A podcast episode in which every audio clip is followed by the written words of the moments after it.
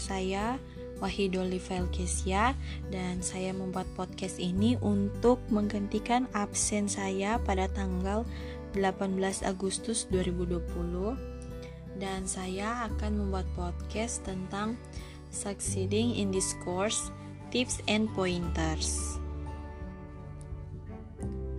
Kita masuk pada introduction. Nah, introduction chapter ini dirancang atau didesain untuk mempersiapkan Anda, untuk mempersiapkan kita agar berhasil dalam course ini atau dalam kelas ini. Nah, di introduction ini dimulai dengan diskusi tentang uh, penjelajahan web atau browsing the web, diikuti dengan ikhtisar buku dan konten online, kemudian ada tambahan-tambahan yang terkait juga tentang buku dan konten online. Kemudian di sini akan membiasakan Anda, akan membiasakan kita dengan makna referensi dari simbol-simbol yang akan muncul di seluruh buku yang ada di PDF ini. Nah, kemudian berikutnya uh, introduction singkat. Di sini juga akan ada introduction singkat uh, pembeli yang dapat kita gunakan, yang dapat Anda gunakan untuk membeli desktop atau komputer, untuk membeli laptop ataupun tablet, dan untuk uh, digunakan selama semester ini. Jadi, di yang pertama ini, yang podcast pertama yang saya lakukan ini untuk memberikan introduction-introduction uh, tentang apa-apa saja akan dijalani di buku ini selama semester ini. Nah, terakhir ada rangkaian latihan singkat yang dirancang untuk memperkenalkan Anda, memperkenalkan kepada kita dengan sumber daya yang diharapkan akan Anda gunakan dalam bab satu nantinya. Nah, kemudian berikutnya saya akan bahas tentang how to one use a browser to display a web page atau gunakan browser untuk menampilkan halaman web.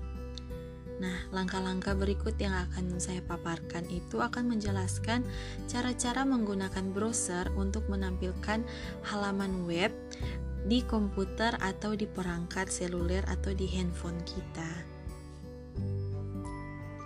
Nah, langkah-langkah seperti apa? Yang pertama, jalankan browser atau kita open browser apa yang akan kita jalankan yang ada di dalam komputer ataupun di handphone kita. Kemudian yang kedua, jika perlu ketuk atau klik uh, alamat untuk memilihnya dan alamat web yang ditampilkan sebelumnya di dalamnya. Nah, yang ketiga, dibilah alamat, ketik alamat web dari halaman web yang ingin Anda kunjungi, dan kemudian tekan tombol enter atau klik tombol buka untuk menampilkan halaman web. Contohnya www.unclub.com. Nah, adalah alamat web yang valid yang menampilkan halaman web uh, Unclub. Kemudian yang step yang keempat, jika perlu, scroll untuk melihat seluruh halaman web. Anda dapat menggulir dengan menggeser jari Anda melintasi layar sentuh atau dengan menggunakan alat penunjuk seperti mouse untuk menyeret bilah gulir untuk menyeret yang ada di dalam komputer. Nah, kemudian step yang kelima, langkah yang kelima yang terakhir, ketuk atau klik tautan pada halaman web untuk menavigasi ke tujuan tautan. Oke, okay, next. Di sini ada purchasing the right computer. Bagaimana cara untuk membeli komputer yang tepat dan benar? Nah, kita sebagai mahasiswa dalam kelas uh, eh, ITC ini belajar banyak tentang teknologi-teknologi yang ada kita mungkin berpikir untuk membeli desktop atau komputer atau laptop atau tablet tentu saja dengan tujuan untuk membantu Anda, untuk membantu kita melewati kelas kita yang ada di kelas kita saat ini maupun eh, kelas-kelas uh, yang akan kita jumpai di uh, semester-semester berikut di Unclub ini. Nah, kemudian di sini saya akan memberikan uh, atau memberitahu step yang pertama dalam cara untuk membeli komputer yang yang tepat. Yang pertama, pilih dulu jenis komputer. Nah, kita itu harus mengetahui dulu jenis komputer apa yang akan kita beli. Contohnya itu di sini terbagi dalam tiga. Yang pertama itu ada laptop, yang kedua ada tablet, dan yang ketiga ada desktop atau komputer. Nah, dari masing-masing ketiga um, alat teknologi ini itu memiliki tujuannya yang berbeda-beda. Nah, di sini Anda harus memilih jenis komputer yang paling sesuai dengan kebutuhan Anda, kebutuhan kita. Nah, yang pertama itu ada laptop. Nah, laptop ini adalah komputer seluler yang tipis dan ringan dengan layar yang sudah ada juga keyboard di dalamnya seperti itu. Jadi, keyboardnya sudah disatukan dengan laptop dan laptop ini merupakan alat yang mudah kita bawa ke mana-mana.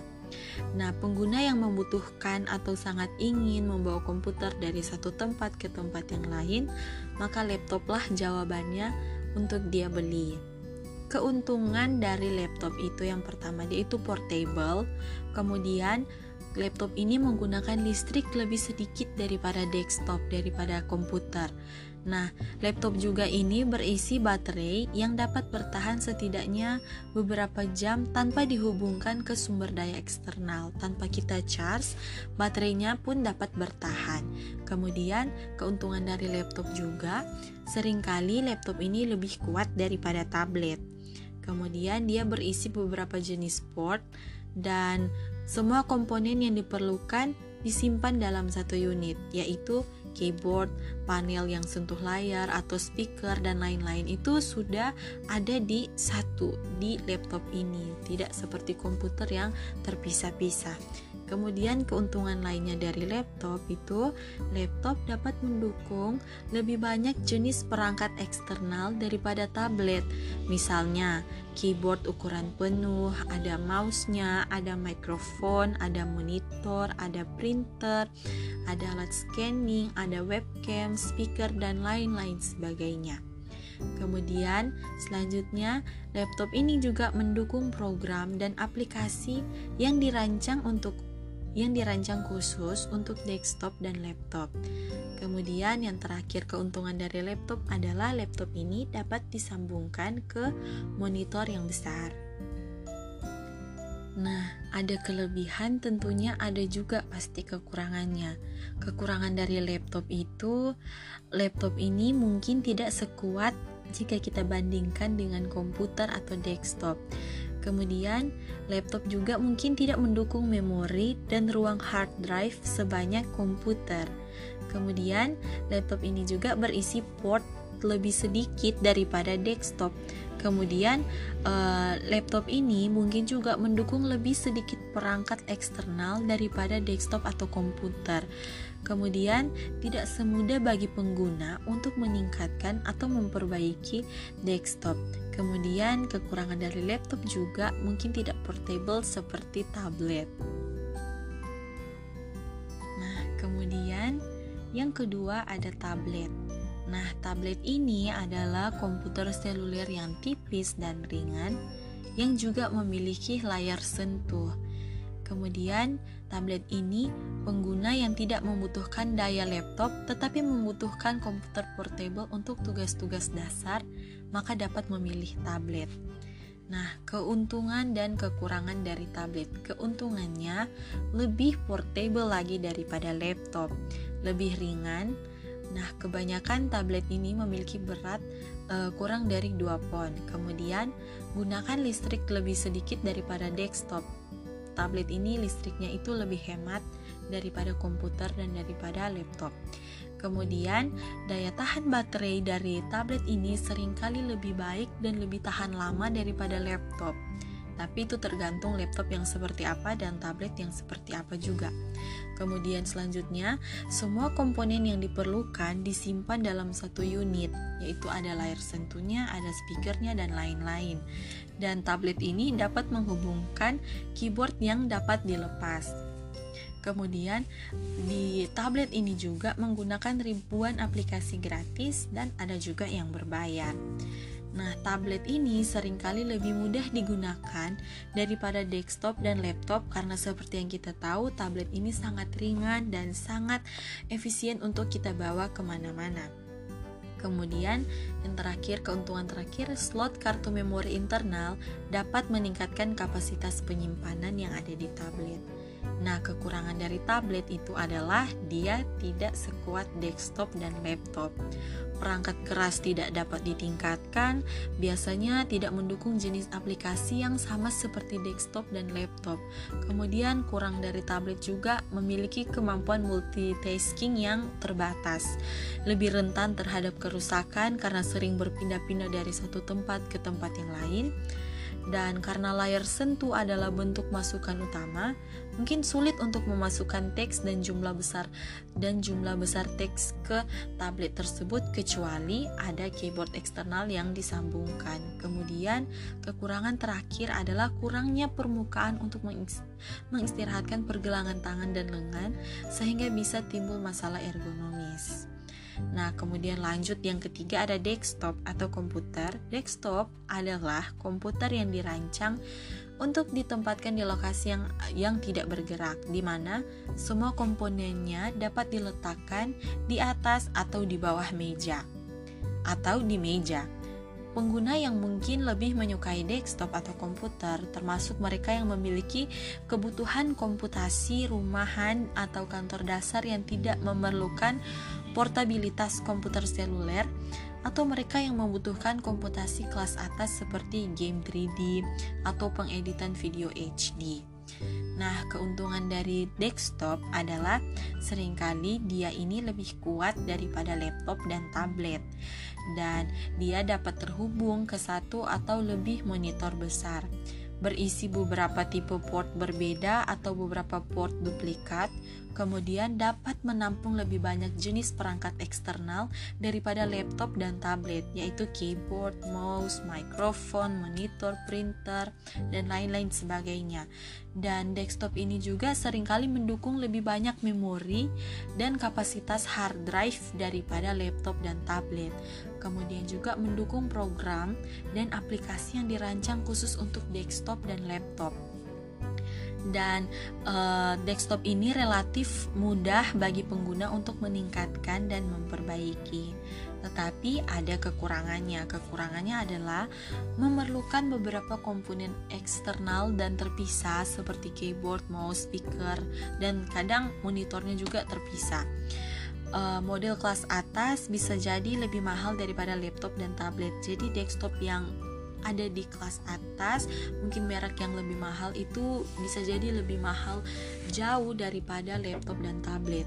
Kemudian tidak dapat menjalankan aplikasi yang dirancang untuk untuk sistem operasi uh, handphone seperti Android dan iOS. Jadi di desktop itu tidak bisa ada sistem yang Android ataupun iOS. Kemudian di step yang kedua dalam purchasing the right computer itu ada choose the operating system, pilih sistem operasi. Nah, berikut ini ada example atau contoh dari operat operating system by kategori. Ada dua kategori. Kategori yang pertama itu desktop, dan operating sistemnya itu ada Windows, OS X, Unix, Linux, dan Chrome OS. Dan kemudian kategori yang kedua itu ada mobile dan nama atau operating sistemnya itu adalah Google Android, Apple iOS, dan Windows Windows Phone. Lanjut step yang ketiga itu choose configuration option. Nah, dalam memilih laptop, tablet, dan desktop terbaik untuk memenuhi kebutuhan Anda, memenuhi kebutuhan kita, itu ada baiknya kita memilih detail konfigurasi spesifik. Contohnya, Anda mungkin harus memilih ukuran tampilan, jumlah memori, kapasitas penyimpanan, dan kecepatan prosesornya. Nah, yang pertama yaitu display screen size atau ukuran layar tampilan. Layar tampilan untuk komputer tersedia dalam berbagai ukuran. Laptop itu biasanya berkisar dari 11 hingga 17 inch dan layar tablet itu biasanya 7 sampai 12 inch. Nah, Jika Anda memilih laptop atau tablet, ukuran layar yang lebih kecil akan membuat perangkat lebih ringan dan lebih portable. Misalnya, laptop dengan layar melebihi 15 inch biasanya jauh lebih berat sehingga kurang nyaman untuk dibawa. Desktop sering kali menggunakan monitor sebagai displaynya dengan ukuran layar pada monitor ini mulai dari 13 inch hingga lebih dari 30 inch. Kemudian yang kedua, penyimpanan atau memori. Jumlah memori RAM yang terpasang di laptop, tablet, atau desktop Anda akan membantu untuk menentukan jenis program dan aplikasi apa yang dapat berjalan di komputer, serta berapa banyak program dan aplikasi yang dapat berjalan secara bersamaan. Nah, jika Anda membeli laptop atau desktop, kita harus meninjau dulu sistem atau program program dan aplikasi apa yang nantinya akan ada di laptop atau di komputer saya. Nah, misalkan saya ingin uh, membeli laptop ataupun komputer nantinya saya butuh 4 GB maka kita butuh ada perencanaan supaya kita bisa tahu ke depannya saya akan membeli laptop yang seperti apa dan komputer yang seperti apa untuk memenuhi keinginan saya yang 4 GB tadi. Nah kemudian selanjutnya ada storage capacities and media Laptop, tablet, desktop tersedia dengan berbagai kapasitas penyimpanan. Semakin tinggi kapasitas penyimpanan, maka sebanyak, semakin banyak data dan informasi yang dapat Anda simpan di komputer atau perangkat. Kemudian ada prosesor, kecepatan jika an jika Anda membeli laptop atau desktop, Anda mungkin harus menentukan prosesor yang paling sesuai dengan kebutuhan Anda. Berbagai merek dan model prosesor pun tersedia. Dan kita sampai ke step yang paling terakhir, step yang keempat dalam purchasing the right computer itu adalah choose the purchasing option, pilih opsi pembelian. Nah, jadi kan kita sudah tahu uh, ke depannya saat saya akan berkuliah saya mau laptop yang seperti apa atau saya butuh komputer yang seperti apa, tablet yang merek apa. Nah, di step yang keempat ini kita akan putuskan saya membeli alat-alat ini itu lewat physical store atau toko fisik atau kita akan beli di online retailers. Jadi ada dua pilihan dalam membeli uh, laptop, komputer dan desktop ini. Nah, yang pertama itu fisik store. Kita langsung datang ke counternya dan kita beli langsung. Langsung dicoba di tempatnya dan yang kedua itu kita dapat membelinya secara online. Bisa saja mungkin beli di Shopee atau beli di e-commerce e-commerce lainnya. Baiklah, sekian dari saya untuk menggantikan absen yang ada di tanggal 18 Agustus. Mohon maaf jika ada salah-salah dalam uh, saya berkata-kata. Tuhan Yesus memberkati. Terima kasih.